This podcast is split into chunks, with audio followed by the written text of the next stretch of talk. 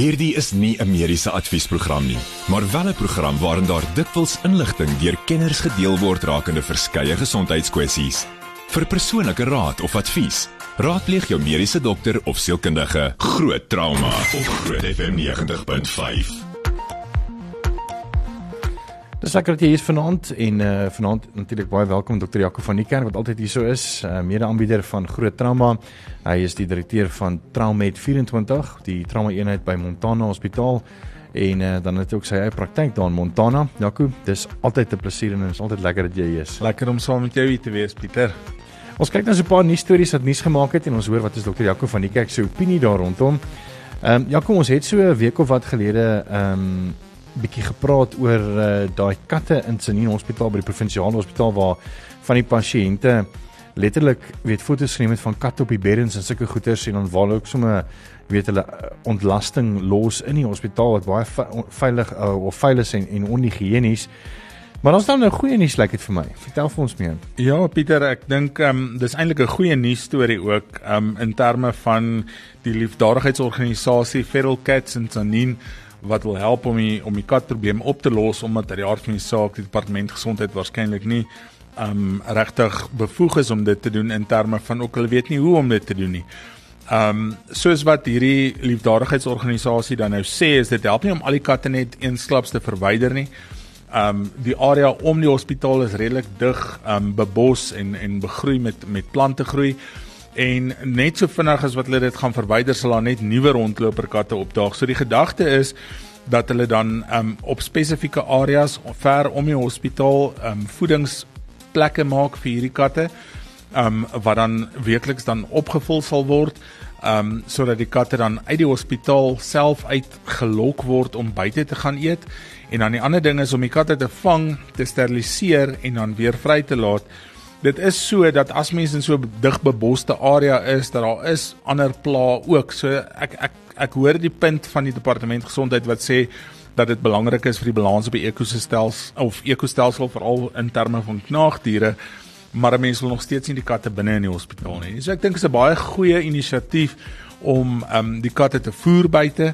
Ek dink is 'n goeie ding um, dat die veeartsy die aard van die saak gaan help om hierdie katte te steriliseer sodat die aanwas dan baie minder kan wees want onthou katte is maar 'n ding wat baie maklik en baie vinnig aanteel. Hmm. So as jy dit kan stop sit, dan gaan jy die aard van die saak ook hierdie hierdie hele probleem um bekamp. Ek dink um dit gaan baie ook afhang van die mense daar buite en die publiek se skenking van kos omdat hierdie goed ook nie gratis is nie. Um maar ek dink definitief dit is 'n baie baie goeie inisiatief om hierdie hospitaal te help. Uh, net twee goed staan vir my uit. Ek dink ehm um, ek hoor wat jy sê van jy weet dis 'n goeie idee ehm um, van wat hulle voorstel. Maar uh, dink jy nie dis miskien nog eerder 'n beter idee om eerder die katte te laat uitsit nie want en ek weet dit is weet baie mense gaan nou nie met my saamstem nie. Maar ek meen die katte is eerstens 'n groot probleem en ek dink jy weet om om soos jy sê om knaagdiere in stand hou. Daar's baie beter ander maniere. En veral by 'n hospitaal wat wat mense weet uh, ek meen mense kan baie vinnig infeksie kry en natuurlik moet mense ook onthou weet Senine is 'n baie beboste area so ehm um, die katte gaan natuurlik nou nie net by die hospitaal wees nie, hulle gaan in beboste areas rondloop en wat gebeur as 'n kat moontlik dan gebyt word ehm um, in 'n geveg met iets wat dan rabies het vir so weet veroorsaak. Pieter Ekstrem 100% saam jou en ek dink jy het 'n baie goeie punt. Ek dink ehm um, katte wat mense daar buite sien en dis kom jy sê dat mense met jou gaan verskil soms maar meeste mense wat dink aan katte dink aan aan troeteldierkatte en liefdevolle katte maar dit is wille katte. Um en hierdie katte eh, is is daar om ook siektes rond te dra. Jy's jy's heeltemal reg. En rabies is altyd 'n groot krisis. Ek dink net um met die uitset van die katte, dit kan definitief help en daar is definitief beter maniere om om om knaagdiere te beheer. Ek dink net um baie van hierdie knaag of eintlik maar plaagbeheer maatskappye moet ook dan by die partytjie aansluit mm. en hierdie ding um dryf. Dan kan dit 'n groot oplossing of 'n goeie oplossing vir beter oplossing wees. Ek dink net daar's baie min mense wat sonder regtig goeie um besoldiging hierdie hierdie plaagbeheer wil doen. Dis die een ding. Um en die ander ding is dit is sodat hierdie katte al los jy 2 of 3 oor oor 'n maand of 2 is hulle weer 30. Hmm. Um jy weet ek dink jy gaan heeltyd katte uitsit en jy gaan aan die einde van die dag um dalk nie wen nie. Dis amper soos om om rotte te beheer, maar jy wil eintlik net nou en dan 'n paar van hulle doodmaak. Ja. Um dit is so katte het het het allerlei bakterieë um kat buite dink ek is een van die slegste goed wat ek al gesien het um in terme van op hande wat wat absesse maak wat mens selfs hande en vingers kan verloor. Um daar's 'n groot klomp um gastro-intestinale infeksies wat hulle ronddra boonbehalwe die rabies mm. en die wurms en die parasiete wat hulle ronddra. So ek dink definitief mense moet dit ver weghou uit 'n hospitaal uit en so ver as moontlik van die hospitaal af weghou maar ek dink eh, geld waarskynlik in ons land se se opset en derde wêreld opset eintlik waar ons eh, ons ons um publieke sektor is is definitief 'n groot krisis nog steeds. Net dan gaan ons 'n bietjie gesels oor 'n uh, artikel wat Fransjo Botha ook uh, in kom ons praat daaroor vanoggend gedeel het oor daai 650 000 sigaretstompies wat bymekaar gemaak is eintlik vir klimaatsverandering, maar ek wil so 'n bietjie van 'n ander angle vat op daai storie. So bly gerus ingeskakel om te hoor wat dit is. En dan onthou net uh, dit Dr. Jaco van die kerk is nou in die ateljee, so as enige mediese vrae het en dit hoef ook nie verwant te hou op ons uh, onderwerp nie, is jy meer as welkom om ons 'n WhatsApp te stuur so aan die einde van die program gaan ons kyk of Jaco dit vir jou kan antwoord. 061 610 4576 onthou standaard dat dit begeld. En dan so 'n bietjie later gaan ons gesels oor slaap en slaappatrone en uh, sulke goedes en ek wil by jou hoor of jy tans enige medikasie vat of enige middels. Uh, dit hoef nie net weet te uh, voorgeskrewe middels te wees nie om jou te help slaap. En hoe is jou slaappatrone? 061 6104576 onthou standaard dat dit begeld. Groot trauma met Pieter Kloete en dokter Jaco van die Kerk op Groot FM 90.5. Ons kyk nou so 'n paar nuus stories wat nuus gemaak het en ek hoor bietjie wat is dokter Jaco van die kerk se opinie daaroor.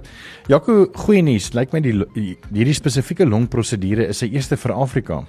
Ja, Pieter, ek is skoon opgewonde om die artikel te gelees het. Ehm um, dit is 'n endoskopiese longvolume verminderingsprosedure wat dan in Netcare Kelsrivier in Kaapstad uitgevoer is. Is eienaardig dat alles in die Kaap lyk vir my gedoen word ja. eerste keer, né? Ja, ja. Ehm um, maar dit word in verskillende gesondheidsfasiliteite wêreldwyd uitgevoer reeds, maar dit is dan nou die eerste vir Afrika en dis um twee pulmonoloë professor Koenie Koeglenberg en dokter Dante Plekker wat uh, dit op 'n 66 jarige vrou uitge uitgevoer het.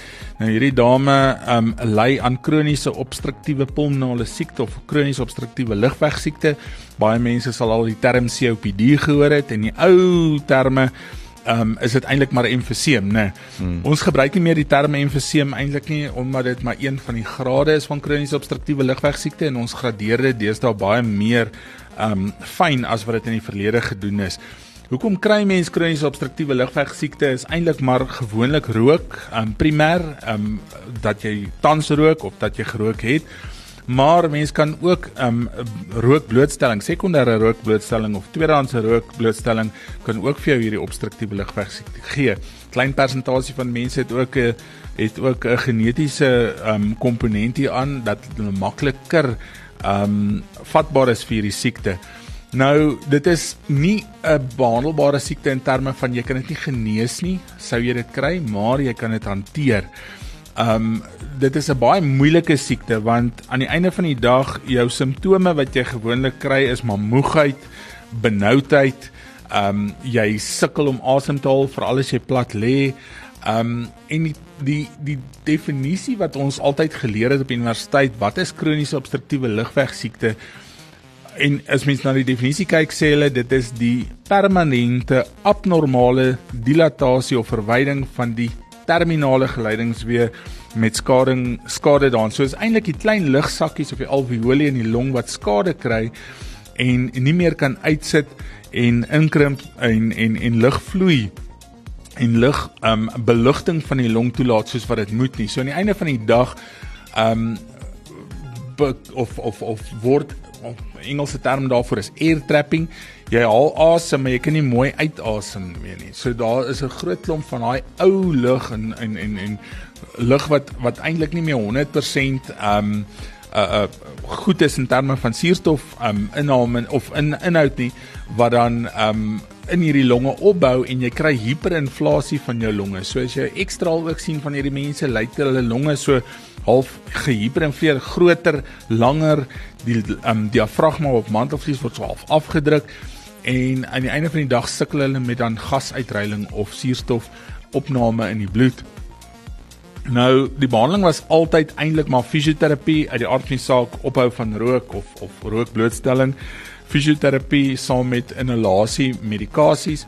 Maar nou het hierdie um operasie eintlik 'n nuwe 'n nuwe prentjie oopgemaak vir die behandeling hiervan. So wat hulle doen is hulle sluit 'n buigsame veseloptiese kamera of 'n bronkoskoop word dan deur 'n klein um ingreep of 'n klein insnyding um geplaas en dan word daar klein eenrigting kleppe um gesit in die gedeeltes van die long wat die meeste geaffekteer word sodat die lug herlei kan word na die gedeeltes van die long wat beter nog is. So. So hoe behandel men of hoe kom mens agter waar moet jy nou hierdie kleppie sit?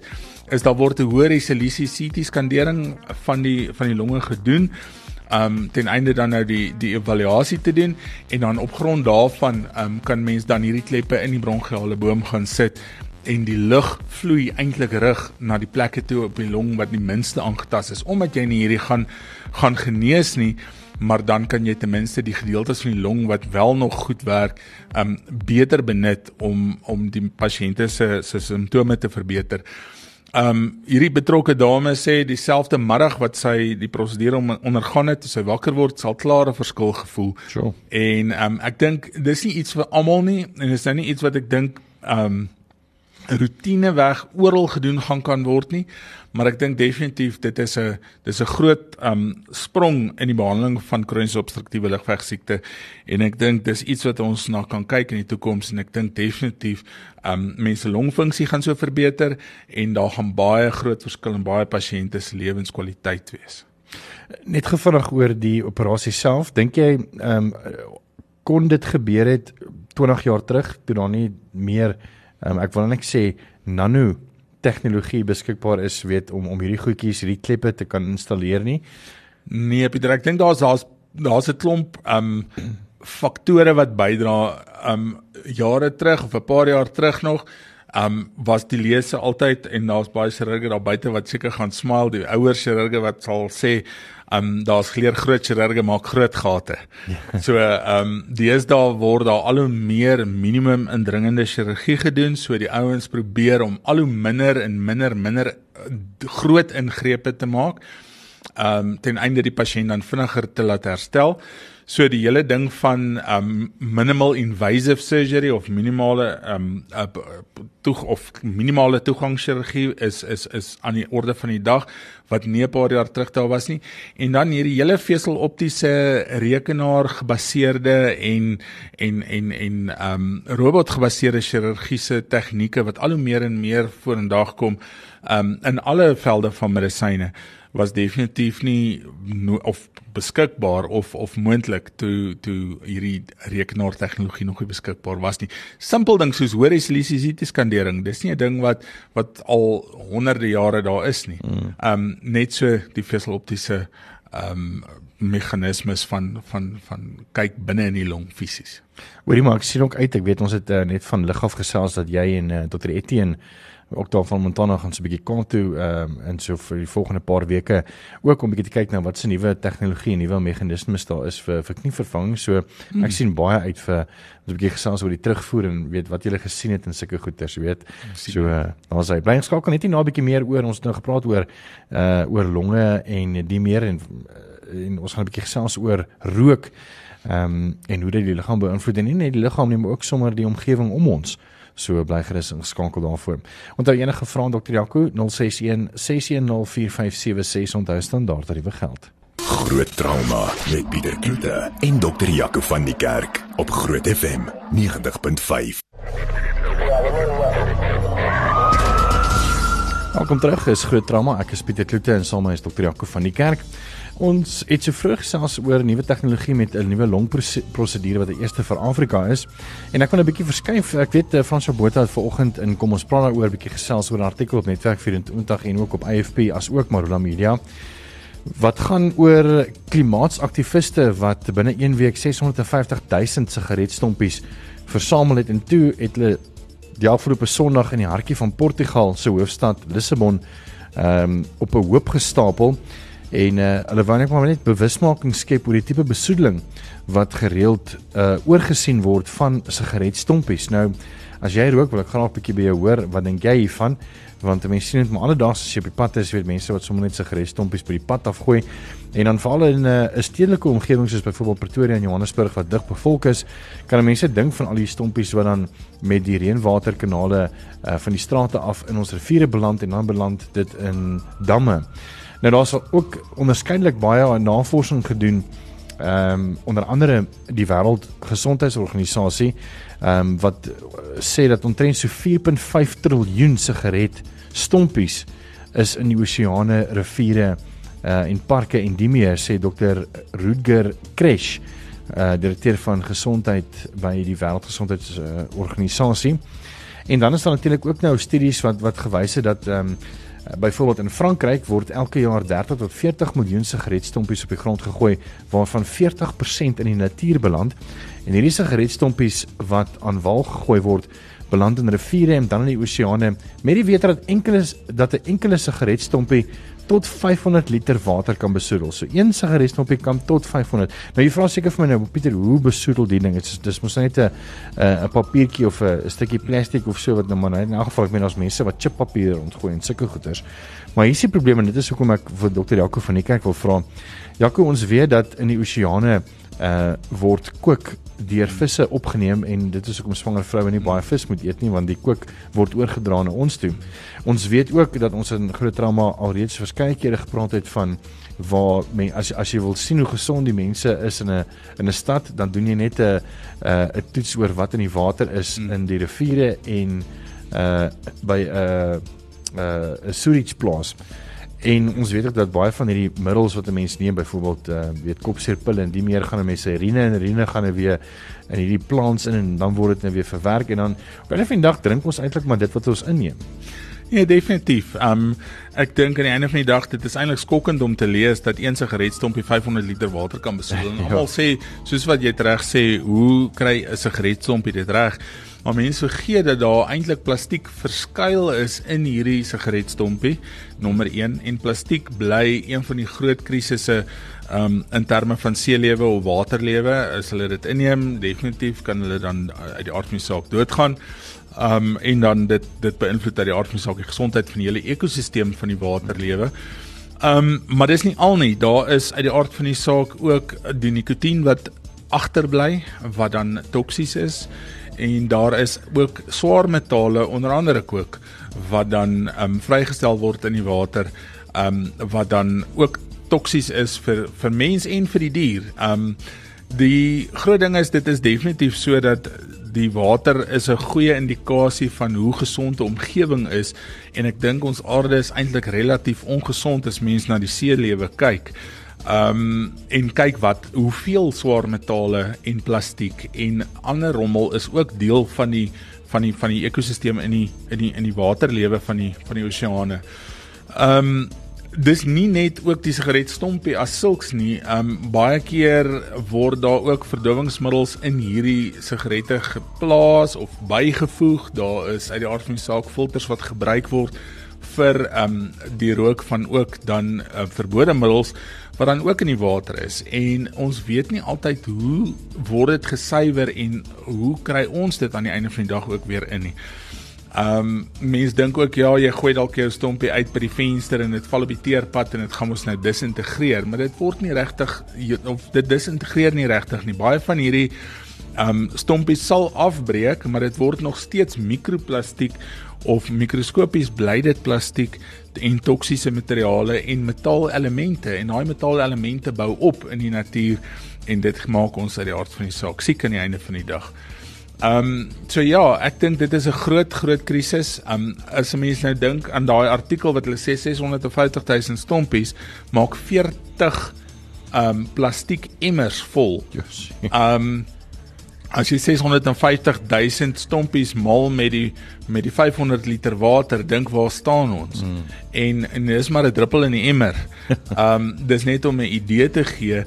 Um ons het nou gepraat oor kroniese obstruktiewe ligwegsiekte en dit bly ook een van die groot risiko's vir kroniese obstruktiewe ligwegsiekte is die vrystelling van al hierdie gasse en toksiese gasse ook um as gevolg van die van die groot hoeveelheid um nie net rook nie maar ook die stompies en die asbakkies ek meen net jy al geryk hoe ryke asbakkie die volgende oggend. Mm, daar waar nee, mense gerook het of 'n kar wat in die son staan van nadat iemand binne in die kar gerook het. Jy weet dit dit ryk vir my baie so suur melk maar uh, daar's mense wat my seker gaan verskil.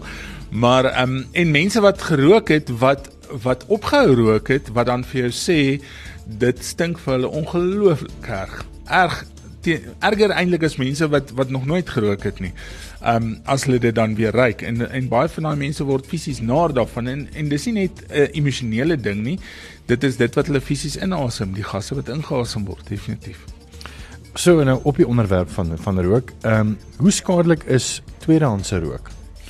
Ek dink is net so skadelik want ek dink baie mense dink ehm um, jy het dit mos nou ingeasem en jy het nou jou jou effek gekry, so dit wat jy uitasem is mos nou minder skadelik of skadeloos.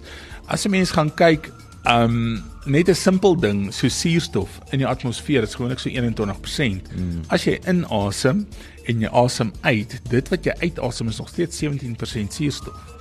So jy gebruik net 'n gedeelte daarvan en net so ook met rook. So die rook wat jy uitblaas is net so skadelik en dien nie meer nie want dit is ook baie deels al gemetaboliseer en um baie keer meer skadelik ook as wat um die die oues wat dit wat dit self rook. En almal dink ook aan e-sigarette, is dit minder is dit minder gevaarlik, is dit meer gevaarlik en, en ek dink ons het al die gesprek daaroor gehad. Ek dink die studies is nog nie 100% uit en lank genoeg nie, maar dit wil voorkom asof dit maar net so gevaarlik is as wat rook is. En die probleem is kinders so jonk as 14 en 12 begin wyp van 'n skool. Definitief en daar is baie meer plastiek en gasse wat ons nie eintlik mooi nog verstaan nie wat gevorm word want enige verbranding wat plaasvind maak nie saak van wat nie um, wat 'n rook of 'n damp veroorsaak maak tog koolstofbindings wat jy inasem en 'n mens het nie altyd die die die antwoord op wat is die effek van daai koolstofbindings terwyl jy dit inasem nie. Nou ja, tyd vir jou mediese minuut. Ons gaan nou 'n bietjie later praat oor slaap um en slaap in die algemeen en baie mense praat is mense in die praktyke sit van my brein wil nie afskakel in die aand as ek gaan slaap nie. Nou die goeie nuus is jou brein moenie afskakel as jy in die aand gaan slaap nie. Um hy hou nie op werk terwyl ons slaap nie en belangrike funksies uit die aard van die saak soos die breinstamfunksie ensovoorts bly aan in in um in eerlike terme in die rapid eye movement of die REM slaap is die aktiwiteit van die brein eintlik net so vinnig en net soveel as wat dit in die wakker staat is. So 'n mens se brein moet nooit afskakel terwyl jy slaap nie, anders gaan jy nooit weer wakker word nie. Hierdie insetsel word geborg deur Caressa Home Nursing Care, die voorsiener van tuisverpleging en verpleging. Ken jy 'n verpleegster of 'n versorger wat gereeld sy en vir pasiënte se lewe verryk of het jy self kennis van 'n versorger deur hierdie persoon?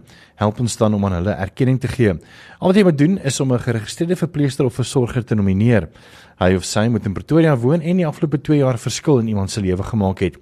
Stuur die nominasie per e-pos na grootverpleegster@caressa.co.za met jou motivering oor hoekom jy hierdie persoon nomineer en hy of sy staan 'n kans om 'n maandelikse finalis te word en uiteindelik in Mei 2023 weg te stap met 'n R30000 kontantprys van Caressa en R20000 se vakansie van Sonja Smit begrafnisdienste.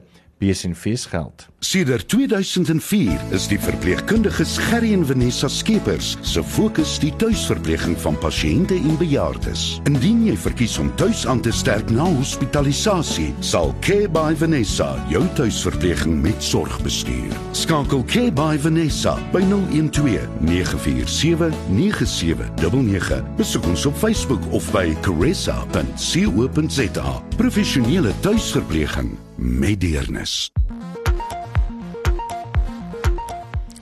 Vanaand se nominasie um, is gestuur deur Helene van Tonder en sy nomineer vir so Sonet Lawrence. Nou ehm um, Sonet het uh, of Helene het vir Sonet by Bible Journaling um, ontmoet terwyl Sonet nog besig was met haar studies verlede jaar en dan ehm um, Helene se ouma, ouma Babs was die eerste pasiënt wat sy gehad het na sy haar studies voltooi het. Nou Helene sê sy is nie net 'n uh, uitmuntende versorger nie, maar sy's 'n geduldige mens en 'n omgee persoon wat nie skroom om ekstra myl te loop nie omdat ouma Babs al ehm, 'n um, ver gevorderde mense demensie het en ehm um, definitief is dit een van die moeilikste pasiënte dink ek wat 'n mens kan verpleeg. Ehm um, so net dit dadelik ehm um, aanklank vind by by ehm um, ouma Babs en andersom ook en sy gee altyd om en is borrelend met haar persoonlikheid, vriendelike geaardheid en Christelike beginsels. So vanaand Sonet Lawrence. Nou ja, Sonet en uh eh, of Sonet en um, ons moet uh ook onthou dat volgende maand is my maand en dit beteken natuurlik dat uh ons binnekort dan gaan aankondig wie daai nominasie en wenner is van uh die groot verpleegster kompetisie wat ons nou loods saam met Caressa. So as jy weet van iemand, dis nog jou laaste kans uh hier volgende paar weke om 'n nominasie deur te stuur. Dis grootverpleegster@caressa.co.za. Met die volgende program bo Groot FM 90.5 om jou as luisteraar met die nodige inligting oor 'n spesifieke onderwerp te voorsien. Alhoewel hierdie inligting dikwels deur 'n kenner op die gebied gedeel word, word jy aangemoedig om jou mediese dokter of sielkundige te besoek vir persoonlike advies of raad. Groot trauma met Pieter Kloete en dokter Jaco van die Kerk op Groot FM 90.5.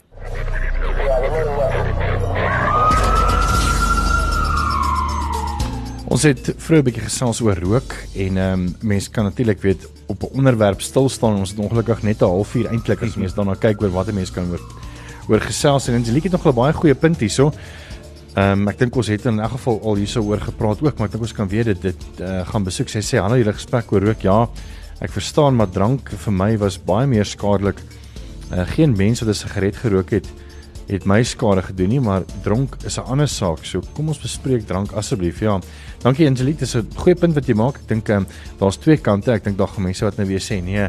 Ehm um, ek het gelukkig nog nooit in kontak gekom met 'n dronk persoon nie want ek ek, uh, gaan nie rond in daai in daai tipe van vriendekringe nie, maar mense om my rook en en daai tweede graadse rook het my al beïnvloed byvoorbeeld. So, maar dis 'n goeie punt. Ek dink drank, ek dink ons het al 'n paar keer ook oor drank gesels uh en die die uitwerking wat dit het, het op 'n mens se liggaam en die meer. So ons kan 'n bietjie kyk vir weer 'n bietjie later vanjaar daaroor. Maar nou eers onderwerp oor slaap en uh, op CNN was daar 'n artikel gewees oor ehm um, hulle noem dit uh sleep gummies of uh hierdie gummy bear sweets wat mense koop wat amper lyk maar soos 'n ou uh uh wat noem jy dit nie 'n uh, toffie nie uh, ja so gummy bear sweetie so lekker jelly sweetie. Jelly sweetie, dit is wat, wat jy wil hê voordat jy gaan slaap in die aand. ja. nou, hulle het gevind dat van hierdie sweeties die mense sommer net op, op van die weet wat wat mense nie eens so 'n toeman koop by by apteek nie, jy koop dit sommer net in 'n winkel uh om jou te help slaap, bevat ongelukkig baie hoë doses van melatonien um, en selfs CBD wat baie skadelik vir 'n mens kan wees. Maar voor ons daarby uitkom, Jaco, kom ons praat net 'n bietjie oor slaap. Ek meen Wat wat is slaap? Is 'n uur voor die TV in die middag as 'n middagslaapie is dit slaap? Of is 8 ure slaap? Wat is slaap? Ja Pieter, ek dink slaap is een van daai misterieuse goed. Um en baie mense sien slaap as 'n natuurlike ding en dis maar 'n ding wat gebeur en niemand weet wat daar gebeur terwyl jy slaap nie en die ander mense um sien slaap as 'n baie wetenskaplike proses. Nou as mens gaan kyk na wat, hoe hoe slaap gedefinieer word, sê hulle dis 'n staat van verminderde fisiese en geestelike aktiwiteit en waar jou on, um bewussyn verander tot so 'n mate dat jou sensorium of jou sensasie van alles wat om jou is um onderdruk word. Nou slaap gaan in in verskillende fases en ek dink die groot fase wat almal van weet is REM en non-REM slaap of um rapid eye movement en non-rapid eye movement slaap.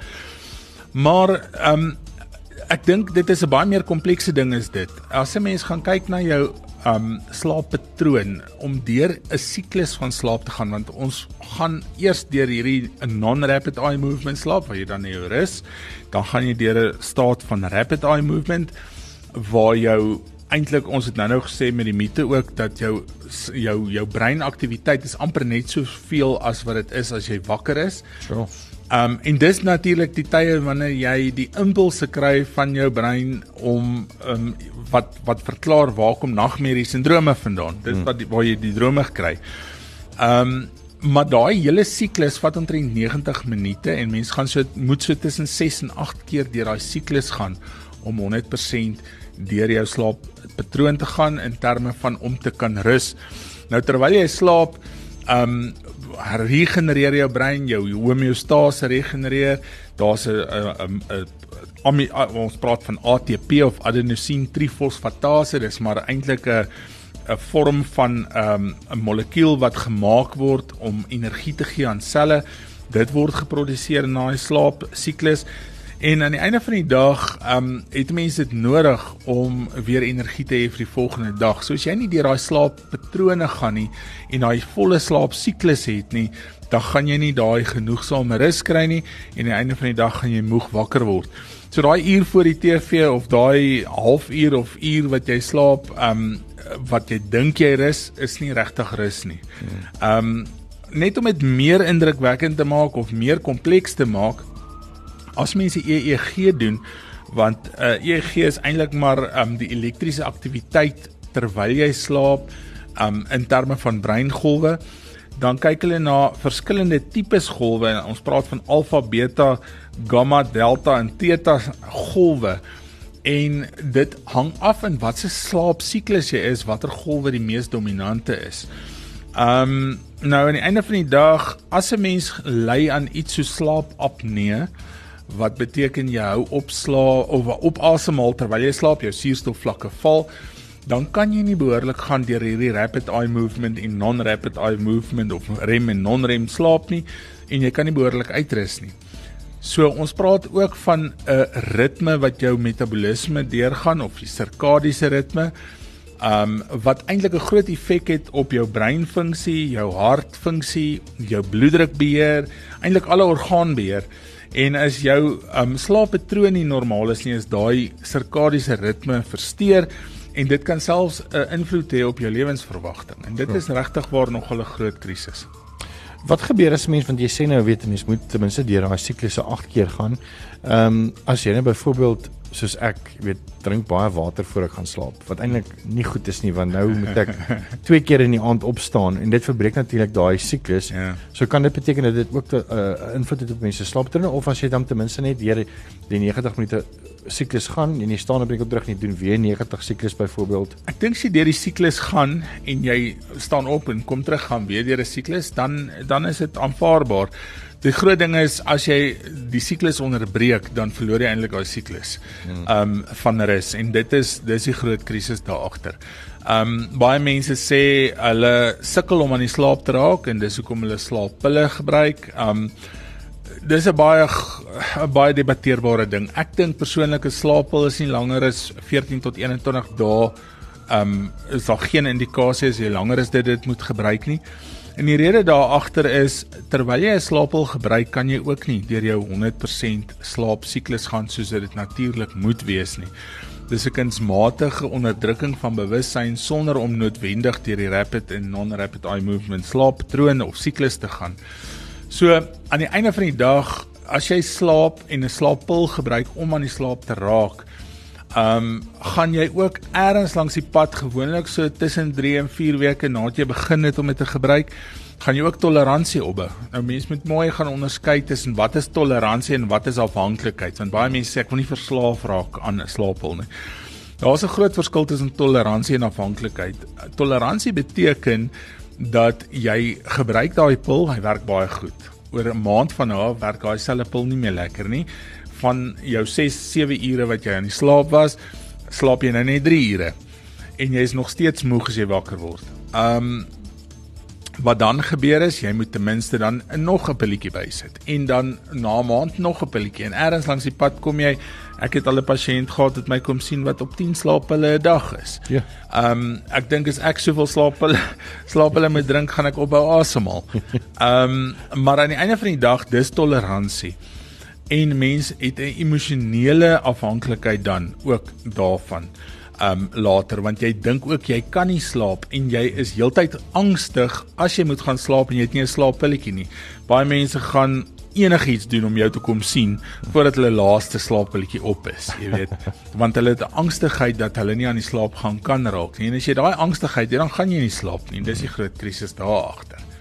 Ons gaan net 'n bietjie vir Jaco vra, ehm um, wat se wenke het hy vir mense om bietjie beter te slaap en wat 'n mens kan doen voor die tyd. Maar ja, kom ons kom net weer terug na die storie toe op CNN Health. Ehm um, wat wat se gevaar en ek meen hierdie is nou maar net in Amerika wat hulle nou hierdie ehm um, raak gesien het van die melatonien en CBD wat in hierdie jelly gummies is wat mense sommer net so van die rakke af by 'n apteek kan koop wat nie eens weet 'n skedule is wat 'n dokter moet doen nie. Maar wat gebeur as mense nou hierdie goed begin vat en wat is ook melatonien? Ehm um, as jy miskien nog 'n bietjie vir ons lig kan gee oor dit. Ja, Pieter, melatonien is eintlik 'n hormoon wat gemaak word in die brein en dit help ons om deur die slaappatroon te gaan. Ehm um, so melatonien is eintlik 'n normale hormoon wat die lyf en die brein moet maak.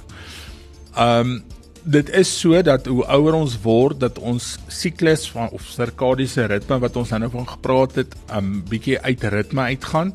En daar is medikasie op die mark, um in ons land is daar net een middel op die mark wat geïndikeer is vir persone 50 jaar en ouer wat melatonien bevat wat dan ook uit die aard van die saak help om my siklus weer reg te kry. Melatonien word ook geassosieer met sommige van die tipes depressie wat daar is. So as jy tekort het, dan kan jy definitief ook 'n depressie um vorm ontwikkel. Maar melatonien in jong kinders is eintlik nie 'n algemeen gebruikte ding nie. Daar is 'n klein persentasie van kinders wat wel um behandel word met 'n uh, middels soos melatonien en en en CBD of cannabinoïde en dit is spesifieke epilepsie versteurings wat hulle wat hulle hulle mee behandel maar aan die einde van die dag um word dit nie aanbeveel dat kinders melatonien wat dan 'n hormoon is of die cannabinoïde gebruik nie. Um neeweffekte van melatonien gebruik in kinders is uit die aard van die saak slaperigheid um deur die dag, hoofpynne, geïrriteerdheid, Um hulle kan so diep slaap dat hulle dan weer 'n uh, bednat maak of enurese is 'n mooi term daarvoor in die nag.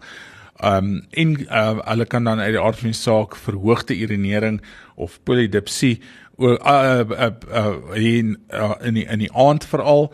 Um en dan is daar 'n klomp kinders wat ook sensitief is en 'n allergie tipe van reaksie kan ontwikkel op hierdie op hierdie middel um as ook interaksies met ander geneesmiddels wat hulle baie keer kan gebruik. So melatonien is 'n goeie ding, dis 'n ding wat ons self maak, maar in oormaat is dit nie goed nie en in die aard van die saak is dit nie geïndikeer vir kinders nie. So moenie net sommer net enigiets van die rak af koop en dit vir jou kinders ingee nie, veral nie hierdie hierdie goedjies nie. Ja, kan net vinnig om af te sluit, ons tyd hardloop uit. Uh so vinnig 'n paar wenke oor hoe om beter te kan slaap en aan die slaap kan raak. Ek dink die belangrike ding is um mens moet verhoed om jou brein te stimuleer direk voor jy gaan slaap, het sy met indrukwekkende akademiese leeswerk wat jy moet baie dink. Ehm um, uit die aard van die uh, saak is ook die skermtyd en die en die en die lig wat daarmee geassosieer word, soos TV kyk. Jy moet eintlik nie TV kyk voordat jy gaan slaap nie, want jy gaan nie 'n behoorlike slaap siklus kan hê nie. Um, wees rustig 'n uur of uur en 'n half voordat jy gaan slaap. Ehm um, probeer afskakel, probeer ehm um, ontspan. Alkoholinname help nie noodwendig met ehm um, die feit dat jy ontspan nie. Dit gaan ook nie maak dat jy beter slaap nie. Inteendeel, dit kan slaap versteur. Ehm um, moenie stimulant middels of ehm um, drankies drink soos koffie ehm um, voor die tyd nie. Ehm um, nou ek weet ek sê dit nou ek dink ek kan slaap met koffie in my hand. Maar ehm um, en ek dink baie mense gaan saam my stem, maar baie mense wat sensitief is vir koffie ehm um, en en enige van die van die ligte stimulante veral gaan definitief ook sukkel met slaap dan. Maar die groot ding gaan jy moet in 'n slaappatroon kom en jy moet 'n slaap um eintlik slaaphigiëne hê in terme van jy moet weet wanneer jy elke dag jou brein moet daai siklus kom en daai rotine hê om te weet wanneer hy afskakel. Dr. Rako van die Kerk, direkteur van Trauma 24 daar by Montana Hospitaal. Ook sy eie praktyk in Montana. Jaco, altyd lekker om jou te hê. Tot volgende Pieter. week. Groot trauma met Pieter Kloete en Dr. Jaco van die Kerk op Groot FM 90.5.